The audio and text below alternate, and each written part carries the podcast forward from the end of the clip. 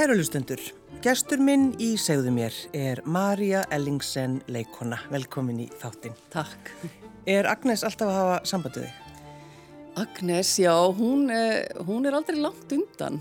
Það er alveg ótrúlegt. Vist, ég er um þrítugt þegar ég leik hlutverkið og kafa onni það og ég var eitt ára að komast inn í það og eitt ára að komast út úr því og þurfti alveg hjálp frá miðli til að gera það. Hún var alveg gekk Nú, ljósum það er, og... það er bara þannig. Já, já, hún var rosalega, rosalega nærverandi. Og svo þegar maður heldur að maður sé búin að setja hann til hliðar að þá poppar hún upp aftur. Og ég veist að já, kannski gaman að gera leikrit um hana og guðni frá klömbrum og skáldrósu, þær lifið allar á sama tíma og, og ræða kannski um hvernig Ástin tengdi þær, þú veist, var svona örlega valdur í þeirra lífi, ein elskar og, og missir Ástina frá sér og deyr úr harmi og ein missir Ástina frá sér og og einhvern veginn brýst áfram og finnur ástina aftur og Agnes verður bara brjálaslega reið og drefur mannin sko. þannig að þetta getur endað í ymsan hátt Já, þú veist, já. maður getur dáið af harmi maður getur komist í gegnum hann eða ma maður, maður hérna einhvern veginn torti mér sjálfum sér og öðrum í því Þegar þú fórst að undirbúið undir eh, kvikmyndina Já. um Agnesi, eh, sko vissur þið mikið um hennar sögu? Eh, Ég, nei, ég vissi í rauninni ekki mjög mikið en ég byrjaði alveg að kafa voni allt saman og lesa, þú veist, jafnvel dómskjöl og, og, og ég fór mjög djúft í þetta. Og svo fór ég til New York og vann með upp á leiklistakennarann mínum sem að ég hafi lært hjá þar. Og var alveg í tíu daga að búa til göngulægið og, og, og ferðalægið hennar í gegnum myndina af því að það er nefnilega svo skrítið þegar maður er að gera mynd, til dæmis við byrjuðum á aftökunni, það var fyrsta senan. Þú veist, þannig að þegar maður er að gera bíómynd þá er maður ekkert að taka þetta í tímalínu. Og þá þarf maður að vita hvert árum komin þá og hvernig get ég bara þú veist, farið beint úr sminki og þangað. Þannig að þið byrjuð, það var fyrst að taka, já, fyrsta takan. Byrjum bara á aftökunni. já, byrjuð bara á aftökunni, já, já. Af því það var vetur og það þurfti að klára Mm, það fyrst og, svona Þannig að það var rosalega, rosalega gott að vera búin að búa til ferðalagið og geta einhvern veginn átt ingöngu punta inn í, inn í það bara eins og smelt væri fingrið þegar maður komin á. Að því, þú veist, maður er ekki með einhvern trailer þar sem maður gengur um gólf og kemur sér í stemninguna. Maður er bara norpandi í kraftgala út í móa og svo bara allt í hennu á maður að vera einhvern veginn. Þannig að, þú, var... og þú kuldaskræfa. og ég mikil guldaskræfa mikil vinna hjá Rögnu Fosberg og, hérna, og Helgu Stef að halda mér hitta mjög þakklátt einn fyrir það en þann dag í dag já, já. En það sem kannski svo kemur óvart að, að maður heldur kannski að, að sko aðrir hafi ekki áhuga á henni, bara, bara við Íslendingar höfum áhuga á Agnesi. já, já, En þe það er bara ekki þannig. nei, nei, nei, nei. Svo, svo, svo, þú veist, það er búið að skrifa mörgu sinnum bókum hana og svo skrifar Hanna Arendt bókum hana og þá verður þá verður hún svona alþjóðleg stjarnar og það er Hollywood mynd í bígerð og Og svo heldur maður alltaf að þetta sé búið eða þetta sé bara mitt persónlega áhugamál en þá er alltaf einu lögfræðingafélagi komið með dómsmálið upp á borðið og það er einhver að skrifa grein og það er einhver að gera útastþátt og, og sjónvansþátt um daginn og, og Magnús er fyrir norðan að leiða fólk í ferðir um svæðið. Já. Þetta er bara enda laust. Og lýsa blóðslettunum og, Jésús, þetta er bara... og aftökunni sjálfri. Já, já. Enda þegar maður kemur átna, ég fór með Magnúsi hann daginn með bókaklubnum mínum og, og vá hvað það er átakanlegt og, og þú veist og ég dró upp texta sem að ég hafi skrifað þú veist sem að um bara hvernig henni leið, bara sem ég notaði þegar ég var að koma mér í, í ham Mm. og það var aldrei magnað að lesa hann í baðstofinni þar sem að henni leið svona sko Já. baðstofan er náttúrulega bara núna gras, sátu bara flötu beinum í grasinu en, en þarna var þetta hún, var- þarna var hún En að þú segir, Marja, að þú hefði fundið fyrir henni þegar þú varst að undirbúið þig og, og leika í þessari kvikmynd. Var það bara alveg þannig? Fann, var hún, Já, ég, hún, ég, hún vakti á nóttinni og þú veist, ég, ég þurfti bara að fá miðil sem kom og setti salt undir rúmið og blessaði allt og, og stórkostlegt? já, var, hún andaði hún í hálsmáli á mig, sko. En það var ekkit óþægilegt. Nei. En ég talaði stundu við hann, þú veist, ég, man þegar ég fór með kvikmyndina til Prag á kvikmyndháttíð og þegar ég var að lappa út og allir voru búin að spurja mig með tárin í augunum um hana og ég sagði, já, Agnes mín, Já. er, er þetta ekki bara orðið gott? Nú ertu búin að fara til útlanda, þú veist, þú veist, nú erum við búin að segja söguna þína, ert ekki bara, bara ána með þetta? Já. En hún virðist eiga erfitt með að fá frið og virðist einhvern veginn til að halda áfram og áfram að koma sögunni sinna framfæri. Já, þú, þú sagði það, Marja, sko, hún væri bara með fólk í fullri vinnu. Já, já, það eru bara margir, við erum bara, við erum bara starfsmenn á plani, við, við hlóum að því ég og Magnús við vorum trítlandi hann um alla grundir að, segja söguna við varum bara starfsmenn á plani hjá henni. Já. En svo reynir maður náttúrulega líka að, að, að þú veist, ég, fyrst fannst mér ég bera svo mikla ábyrða á að segja þessa sögu og, og svo hugsaði það eru bara fleiri í því og ég þarf ekkit eða æfinni í að segja sögunennar og, og, en það er gaman að sjá myndin aftur, nú er myndin búið að gera myndin upp aftur og það var ótrúlega gaman að sjá hvað hún hefur elst vel Var hún ekki syndi í, í bara í sambíónum, bara Pop og Kók og Agnes. Hvernig fannst þér Marja Ellingsen að horfa á þið þar? Það sem var eiginlega magnaðast var að ég satt við hliðin á dóttu minni sem að var Eh, sem er að verða alltaf líka að vera leikona og hún var eiginlega líkar enni nú það og sko veist, þannig að mér fannst ég setja mér fannst ég vera á teimur stöðu eða þremur stöðum í rýminu sko upp á tjaldinu þar sem ég satt orðin þetta mikið eldri og svo með hana hliðin á mér og henni fannst þetta mjög skrítið af því henni fannst hún sjá sjálfans þegar þarna á tjaldinu líka sko. Varstu, varstu sko varstu á góðum stað í lífinu þegar varstu að gera þessa mynd? Var þetta svona Þú þú horfir svona já, á þig, já, já, hvernig leiði mér þarna? Já, já, ég var búin að vera, ég var búin að eiga Hollywood árin mín Akkurat. og var í rauninni kalluð heim frá Hollywood til að gera þessa mynd og nefndi svo ekki til Hollywood aftur því ég fannst einhvern veginn meira gaman að vera heima að leika Íslending og, og þú veist, einhvern veginn Norpa í guldanum Já, Norpa í guldanum Hver er þetta í Hollywood? Já, já.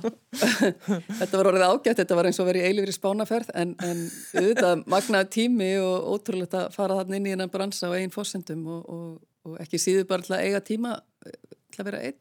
Já. En já, ég var á góðan stað í lífunu, nýjórin ástfangin og nýbúin að gifta mig og, mm.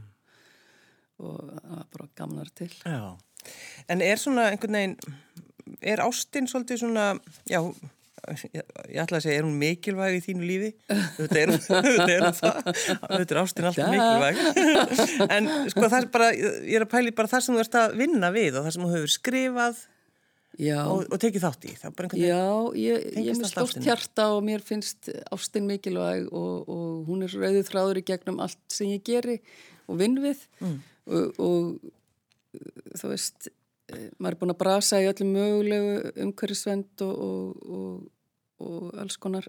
En svo sé ég bara þegar ég sé hérna listan yfir verkin sem ég hef sett upp á eiginvegum að ég hef alltaf verið með mitt eigi leikúsuna í vasanum til að gera eh, þegar eitthvað efni kallar á mig eða eitthvað verk svona heimtar að fá að fara á svið að þá sé ég að þetta eru verk eins og Salka Ástasaga eða Engin heitir Engveld sem fjallaði um hjónabandið eh, og og núna síðast, núna var ég að fá styrk til að gera verk sem heitir verk sem heitir um, Það sem er danstverk eftir Petter Asmussen. Það heitir á dansku DDR eða DDR af því það fjallar um konu sem er í Östu Þískalandi þegar að múrin eh, aðskilur eh, hana og, og restina af, af Evrópu og hún er, situr þar og er að þrá mannin sem hún elskar sem að býr handa við múrana múrin mm. þannig enn og aftur þá er það Ástin sem, að, Ástin sem tógar í mig já þannig að já En þetta er hvað, fyrst einleikunum sem að setja upp? Já, ég, já, ég fekk, fekk hérna, fekk styrk frá Sviðslistasjóði til að setja þetta verku upp núna og og kannski að því að tala svolítið inn í tímana það sem við erum öll einangruð og mhm. öll, eh, þú veist, við erum með grímur, við erum innilöku heima hjá okkur, við komumst ekki til útlanda, þú veist, hvað er maður ætti kærasta í útlandum, þetta vært aldrei mál mm. og hérna, og þetta fjallar líka um hvað líðræðið er brótætt, þetta er hérna á tímum allræðis og, og þú veist, og þarna er allt í hennu, eh, þú veist, allræðisríkin í miðri Evrópu á okkar tímum, skilur þau? Þetta er ekkit, þetta er ekkit eitthvað, þú veist, langbóstistan sko, þetta er bara, bara stökt síðan mm. og svo á sama tíma er maður bara að lesa í blóðunum að, að líðræði bandaregjónum bara er á heljar þrömm og, og þú veist, þetta er, þetta er, við tökum þetta svolítið sem sjálfsæðan hlut sko, mm. bæði það að geta ferðast um og að búa við líðræði en hverju tvekja er bara mjög brotætt. Þú nefnir þetta sko, eitthvað sem kallar á þig. Mhm. Og, og þá er maður náttúrulega mjög sniður ef maður á sitt eigi leikús. Þurfu ekki að banka upp á. Já, já. Og sannfæra fólk. Já, já. Maður þarf samt að sannfæra þeim að, að maður, maður þarf að sannfæra sjóðinum að láta mann fá já. En, en eh, það kemur, þú veist, þetta tekur tíma, þú veist, maður fær hugmynd, annarkvort finnum maður verk sem maður kallar, kallar á mann eða, eða maður er með eitthvað efni inn í sér sem bara maður verður að finna því í einhvað form og þá sest ég niður og skrifa og ég er bara heppin að hafa alltaf skrifað, þú veist, ég var bladamæður því ég var 18 ára fastraðin á mokkanum og ég hef alltaf skrifað þannig að, að ég á auðvelt með að, koma hlutum frá mér og svo þarf maður að segja um styrki og, og brasast í því og þannig að þetta getur tekið oft einhver, eh, einhver 2-3 ár áður frá því maður fær hugmyndina þannig að verkið er komið á svið. En þá þarf maður þólur með því. Já og þrautsegju Já. Og hana myndi ég nú segja að ég hafi frá færi. Ég, á mömmu sem er mikill skörungur og, og þrautsegja og þólinmæði og, og dugnaður, þú veist, það er eitthvað sem ég hef frá henni og, og hérna, og einhvern veginn þessi hæfileiki að sjá eitthvað fyrir sér og láta verða veruleika. Og, og það hefur líka hjálpað mér þegar ég hef verið að leikstýra að, þess, þetta element að, að að sjá myndir, sjá, sjá eitthvað og, og ná að koma því fram þannig að já, ég er bara mjög heppin með, með þetta, þetta færiska element Já. Sko, e, ferð ekki, ferð ekki oft þangað? Er, er, þú ert ég, með góð tengst. ég fer á hverju sumri sko, ég get ekki annað það landa af svo mikið í mér, ég tala tungumálið þú veist, þetta er bara sveitin mín Já. og uh, þú veist, ég á bæði fjölskyldu þar og vini og, og bara óbáslega sterka bara persónlega tengingu við náttúruna og landið og, og tungumálið þannig já, Hvar kynntust fóröldraðinir, Marja?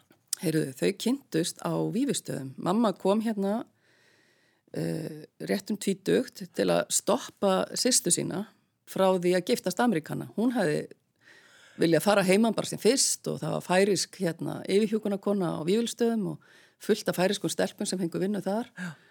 og sýsti mömmu fer, fer af stað og, og kynnist ofbáslega fallegum amerískum manni sem bara James Dean svona típu sem að reyndist svo vera trökkdræfi frá Georgia þegar upp á staðið.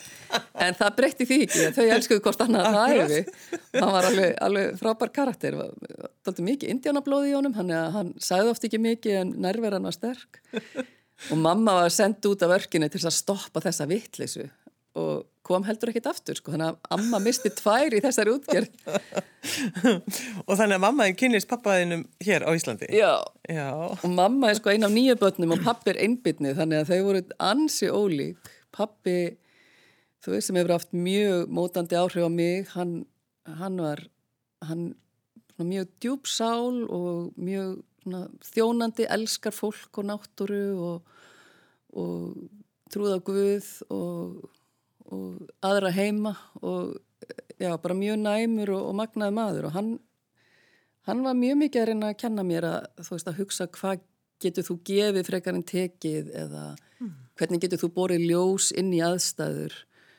uh, veist, hvað já, hvernig getur þú þjónað? Og þetta er náttúrulega eitthvað sem að bara hefur haft mjög sterk áhrif á mig hvort sem mér hafi alltaf tekist það eða ekki, maður er náttúrulega bara óttalega ófullkóin manneski alltaf eitthvað að brasast við að láta gott að segja leiða og svo kannski fer maður offurum í því og, og er að hjálpa fólki sem vil ekki láta hjálpa sér og, og algjörlega Það, óumbeðið er- það er best. Það lendur í því.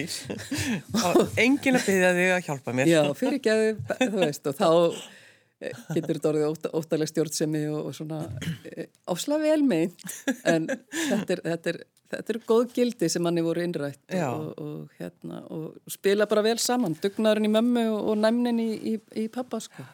Hvar var hún í röðinni af þessum nýju börnum? Smár. Ég held hún sé nú með. Frúa? Ég held hún sé nú með fimm, sko. Fjögur að fimm. Rosa rúa, sko. Já. Og allt ótrúlega flottir og duglegt, duglegir magnaði karakterar. Fimm strákar, allir sjómenn og rákuði fristi tóra og fristi hús og skip og útgerðir og, og nema einn þeirra, hann var svolítið ævintýramæður, hann var stýrimaður og skútu með einhverju miljóramæring sem sildi kringum heiminn og tók svo peningin og stopnaði veitingahús í Kaupmannahöfn og er svona mikill lífskunstner Alltaf geta að skrifa um þetta, Marja. Það enda með því. Ég meina, það, Hann til dæmis heitir einum nýju ef ekki 13 nöfnum af því það var heil skipshöfn af frændumann sem fórst rétt um það spil sem hann fættist. já, það er það sem þeir gera, það er einhver. Já, þannig að amma mætti bara með, með blaðið og las upp öll nöfnin, Daniel, Petur, John, Mikael og svo framvegis. Og þessi frændi minn, hann var einmitt í brúðköpunum mínu í færium núna það síðasta sumar og, og, og ég spurði hann hvernig er að bera þessi nöfn og hann sagði mér finnst ég bera mikla ábyrgð.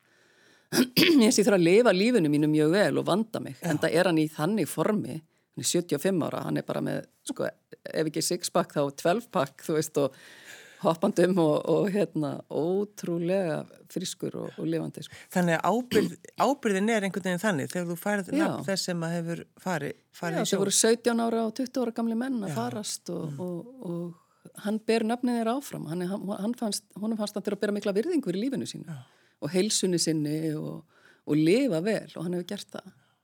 En að því að sko náttúrulega náttúran er svo nátengt Já. okkur sko færium og, og, og líka hér við þetta á Já, Íslandi. Það, mótar þig þá eða hvað? Jú, það gerir það og ég ég færi mér náttúrulega sjórin sko, umlikjandi og þú berður náttúrulega bara óttablandna virðingu fyrir náttúrunni þar og veist allan tíman að þú ert lítil manneskja.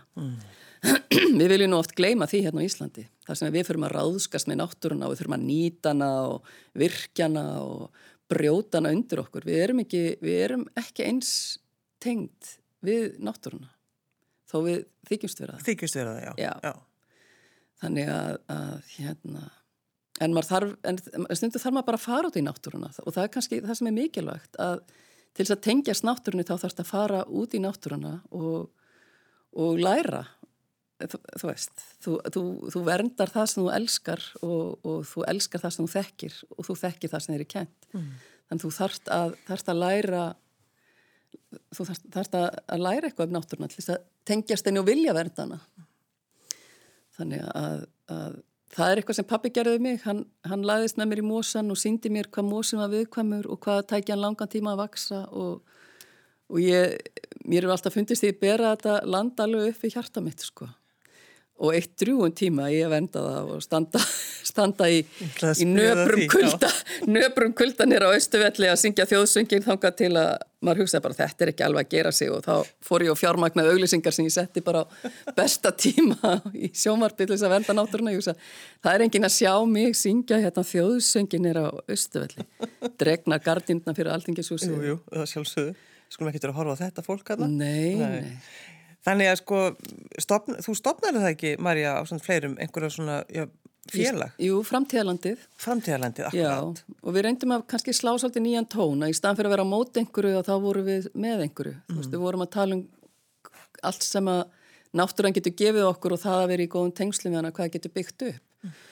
Uh, Þannig að við vorum með alls konar ráðstefnur og að fræða fólk og byggum til náttúrukorti til að sína hvað er í gangi að því að kallans káranhjúkar komið mjög mikið aftan af fólki. En núna getur við farið inn á náttúrukorti og séð bara blikkandi punta þar sem, að, þar sem, að, þar sem eru yfirvóðandi virkjana framkvæmdir og getur zoomað inn á það svæði og lesið um hvað þetta svæði hefur, þú veist, hvað verðmætið svæði sem er ósnortið.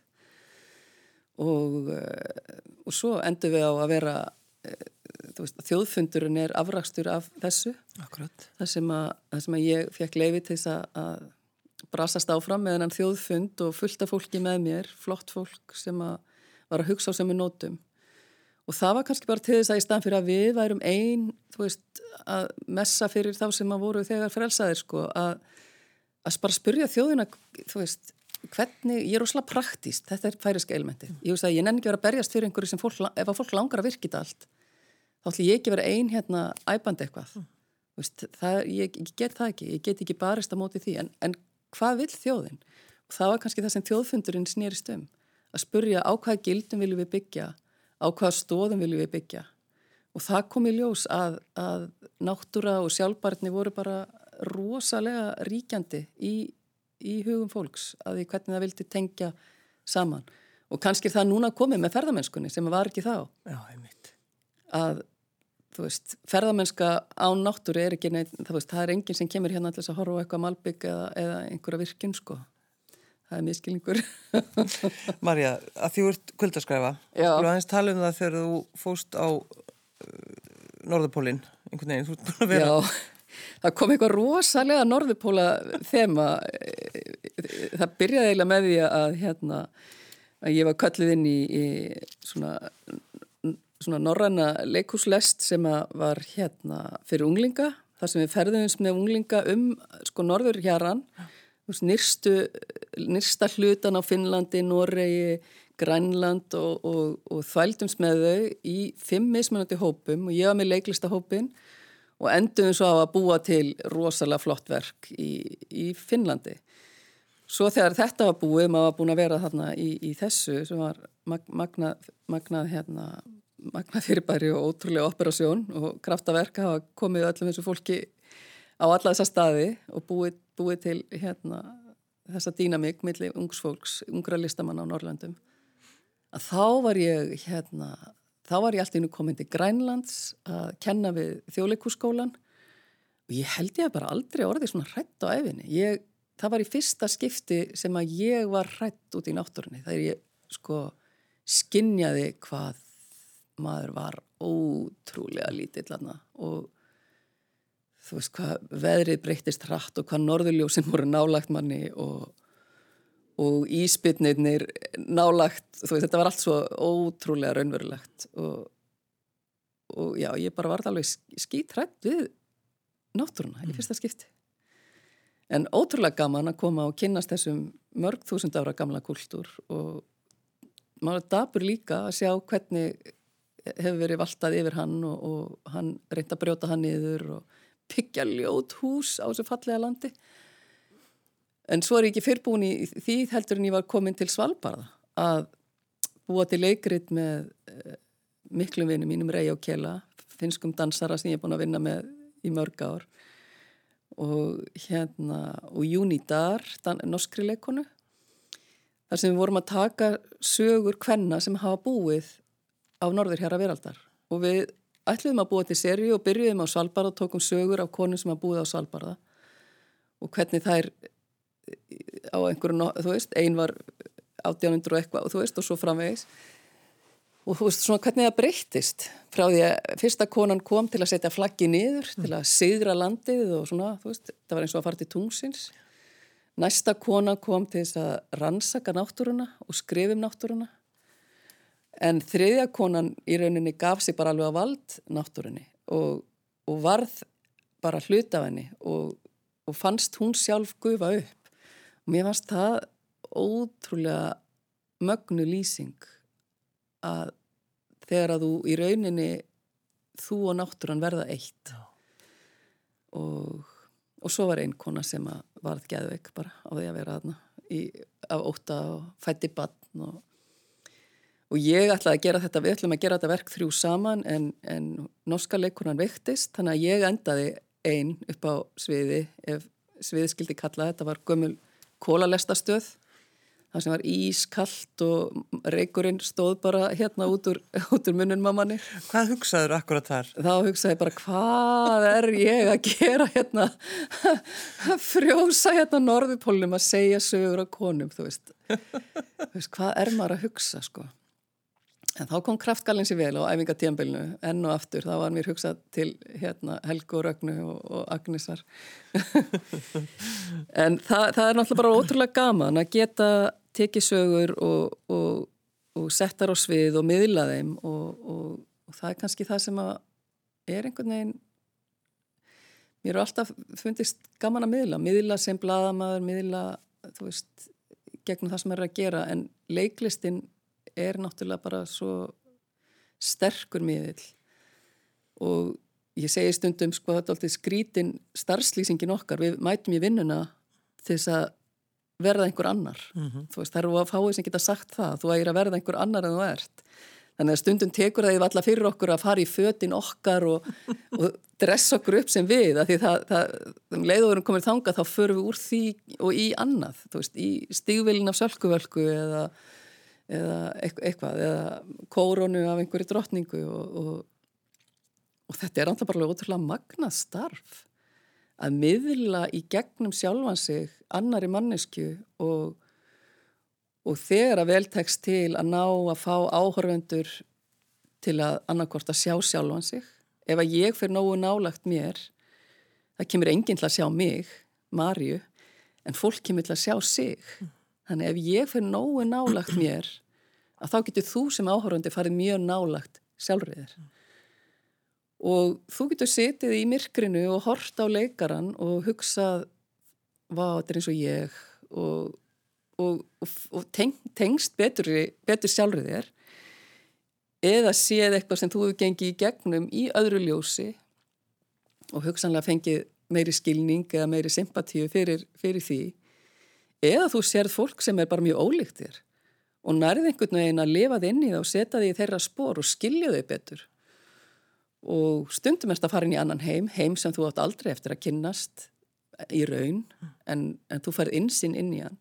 Og allt þetta stækkar þig sem mannesku stækkar hjartaðitt stækkar hérna uh, þína samlíðan með öðru fólki bara gerir þig bara meiri mannesku mm. mér finnst ótrúlega stór gjöf að vera að vinna við þetta. Og, og í rauninni er þetta alltaf skrítið fyrirbæri að fólk kaupir sinn, sest í myrkrið og horfir á lífið bara í svona örgri fjarlægð. Veist, það, er, það er náttúrulega bara mjög, já, og, og kemur, kemur svo heim og er upprifið og fer svo bara sortur að sokka, setur í fjell Já, en þegar veltækst til að þá hefur eitthvað breyst það hefur eitthvað færst til inn í þér og, og ég held að já, þegar veltækst til að þá serðu hlutin í einhverju nýju ljósi já. og þú veist eins og núna með vertu úlfur næst að þú heyrir talað um einhvern með geðkvör, þá mm. ert allt innu búin að vera inn í þeim heimi og finna hvernig það er og það verður aldrei eins Nei. þú verður aldrei eins og það að geta lappað inn í hús og komið aftur út klukkutíma, tveim tími setna breytt manneskja það er alltaf magna það, það er betri en ekkert. Það er bara svolítið þannig. En Marja, þú nefndir einmitt að þú hefur giftið í færi mm. og er taka þeir því alvarlega að halda brúköp Já, það er mjög, tekið mjög alvarlega og þetta er, þetta er mikill, mikill viðburður í færum, þannig að þetta var, þetta var þryggjata brúköp sem við heldum, uh, það sem við vorum svona að hitum upp með kvöldvöku og, og, og söng og, og mat og lefðum allir gestunum að kynast því þeir komu allstarað á heiminum og og það var mjög skemmtilegt. Og svo kom heil dagur, brúðkaup alveg frá mótni til kvölds og fram á nótt og sömur voru komnir út í sjó að synda og, og, og það var dansað færisku dans og, og lista kokkur Leif Sörensen sem að stopnaði koks hérna mittsýlingstæðin þar, hann var hérna að galdra fram rétti. Mm. og og það var að upplæði Marendsi Pólsen sem, sem að vildi bara það besta fyrir mig, mikil vinkona mín. Hún talaði við Leif og, og fekk hann í þetta, þetta verkefni. Og svo á þriðadeginum að þá var bara stíðum borðið í skip og silt út í eigu sem að mjög fáir hafa komið út í, meira sér færingar sjálfur og heitir Tindholmur og er alveg ofbóðslega fallið eiga í enga eigu sem að, sem að vil svo vel til að frænka mín er gift inn í, inn í inn í það. Og við fengum að, ég fekk að fara aðna og við með okkar gesti og, og þá voru aftur allir fannir að synda í sjónum og það var heitur dagur, ég var búin að skipa öllum að vera í lofapeisum og, og göllum og allir að kapna. Og þá kom ég með þessi frændi minn, Daniel Petur og, og bar fram skerpi kjött og þurra grind og spik og allir fengið að smakka færiskan mat þannig að þetta var ótrúlega, ótrúlega skemmtilegt og mögnuð magnaðu tími og, og gaman að fá að tengja aftur við færir og, og gaman að fá að gifta sig aftur 50 okkar á gömul sko. Já, háöldruð Háöldruð Hver er maður þinn, Marja? Hann heiti Kristoffer Lund og er ljósmyndari og, og það er einhvern veginn alveg magnað að að tengjast einhverjum ástaböndum sem fullorinn manneskja vera bæðorðin fullorðin og bera bæði ábyrð á okkur sjálfum þannig að veist, ég þarf ekki að bera ábyrð á honum hann þarf ekki að bera ábyrð á mér en við stöndum saman mm. og erum með hvort sitt verkefnið ég með mín börn og hann með sín og, og, og bara vera vinir og félagar og ferðast um landið og, og lífið mm. það er alveg ótrúlega gefandi Þannig að þú, þetta var ekki alveg sem þú bjóst við kannski, Marja að gifta þig? Nei, maður, nei, nei, alls ekki. Nei. Nei. Alls ekki. Er aldrei að gifta Nei, ekki að gifta sig, ég var alveg bara, þú veist, svo bara fannst mér það einhvern veginn bara eina í stöðinni, sko. Mm. Það var stórt já inn í mér, gagvar því, heldur betur. Já. En það er mörg þessi hlutverk og, og þú veist, það eru allir þessi hlutverk í leikúsinu en það er náttúrulega líka þessi hlutverk bara eins og móður hlutverkið sem að hefur átt ríkan þátt í lífinum hans og það var nú svona hlutverk sem að ég bara sveimir þá held að ég ætlaði ekki að fá að upplifa. Ég giftist basföðu mínum um þrítugt og, og, og svo bara komi börnin ekki Mm. og En sem betur fer fekk ég að eignast hlutabrjaf í sinni Þorsteins, Jóð, basföðu míns, Tómasi. Hann var fimm ára þegar hann kom inn í lífið mitt og við erum svolítið miklu hjartansvinir enn þann dag í dag og, og nú er hann búin að gera mig að ömmu. Þannig að veist, það að vera stjúpmamma, það að vera amma barsins hans, þetta verður einhvern veginn, þú veist, maður heldur þetta að sé einhvern veginn, maður kynnist einhverjum um tvítugt, giftist, eignist börn og svo framvegis, en svo gerist þetta einhvern veginn allt öðru í sig. Þú veist, ég átti æsku ást sem ég held ég myndi vera með alla, alla æfi og svo, svo bara þroskast maður út úr því og, og það form einhvern veginn maður, þú veist, það maður þarf bara að brjóta það af sér af því að það er orðið á lítið fyrir mann eða hendar ekki lengur. En eitthvað sem mótaði mann sannarlega. Og svo um þrítugt, já þannig maðurinn og nú eignust við bara sem að komi svo ekki fyrir 5 og 10 árum setna þannig ég er 35 og fertug þegar ég eignast Láru og Kristínu og, og nú er Kristín orðin 17 og ætlar að verða leikkona og er að láta vangina sína vaksa og breið úr þeim og að taka sér til flugs. Byrjuði að leika, sama aldrei og ég byrjuði að leika. Og ótrúlega mögnuð og djúb stelpa með fullt af hæfileikum og hugssjónum og svo Lára, fyrsta barni mitt hérna sem ég eignast 35 og þú veist og það átt að vera svona görbir barn og maður sá þetta alveg fyrir sér og svo kemur hún bara með maga kveisu, gargandi heiminn, öskraði eitt ár var svo með hjartagalla og svo ofvirk og svo kom í og hún var einhverf mm. veist, þannig að hún kom alveg inn með látum bara og þannig að hún fengi nú alveg öruglega alla aðteglina sko þannig að við erum búin að vera á tánum síðan ég og pappinar að fylgja henni gegnum heiminn og það er ótrúlega stórt að vera mamma stúlku sem er, að, er með föllun og að láta þessa föllun ekki vera aðalatrið heldur, heldur bara hún er aðalatriðið mm. þú veist, hún er risastórt hjarta algjört fyririldi krullur sem lýs upp heiminn og er svo mögnuð og merkileg og, og ég hef einhvern veginn reynd að fylgja henni eftir og reyna alltaf þegar hún stefnir í einhverja átt langar að gera eitthvað langar til dæmis að fara í líðháskóla á seðisfyrði og í staðan fyrir að segja nei, þú veist, ég ringdi í þá þar, Jónathan og Lassi og þeir alveg, já við hefum aldrei verið með einhverjan eða fallaðan hér áður en, en af hverju ekki og hvernig, hvernig hefur að gera það? Og þú veist, svo þarf maður að finna það út. Hver getur stuttana, hvar getur hún búið þú veist, og svo endanum þú veist, gerir maður það mögulegt og það er svo mikilvægt að alltaf þegar hann að dreymir um eitthvað að búa til stuðningin í kringum þannig að það takist. Þannig að hún lendi ekki á vegg þannig að það mistakist ekki þannig að hún brotna einhvern nátt niður og það hefur, það hefur hefnast Úst, hún er núna, hún er að syngja hún er í tónlistaskóla, hún er að æfa karate og þar eru stelpur með svartabelti sem að styðja hana. Þannig að hún er í stundum í enga tímum hjá þeim þegar að COVID hérna lokar á æfingar. Uh, hún er að hún er stendur við trönurnar með Erli Þórarins einu sinni í viku og er að mála. Og hún er á herstbaki, hún er að dansa hún er að vinna á tveimustöðum og hann langar í háskólan, hann langar að læra sögu. En það er eitt, þú veist, það er ekki bóðið upp á háskólanám fyrir fatlaða nema eitt diplomanám og það er ekkert spurt að því hvort að þau hafi áhuga á því námið, það er bara eina námið. Mm. og þetta er náttúrulega eitthvað sem þarf að breyta þetta er svo gamaldags og, og þú veist, og þá kemur að því, þú veist, það er um svo mörg baráttumál, þú veist, það þarf að berjast fyrir þessum réttindum og ég hef fundið sem mamma Láru að það er nóg fyrir mig að vera mamma Láru ég get ekki líka verið formaður félagsins og farið á þing til að berjast fyrir málinu. Það bara, ég bara geta það ekki. Ég hef ekki orkið það. En sem betur fyrir eru margir að berjast og það eru til dæmis Freyja Haralds og, og Embla Ágústóttir, mjög framalega í flokki og, og Lára hefur fengið að hérna, njóta góðs að því og það eru að gera hana aktivista.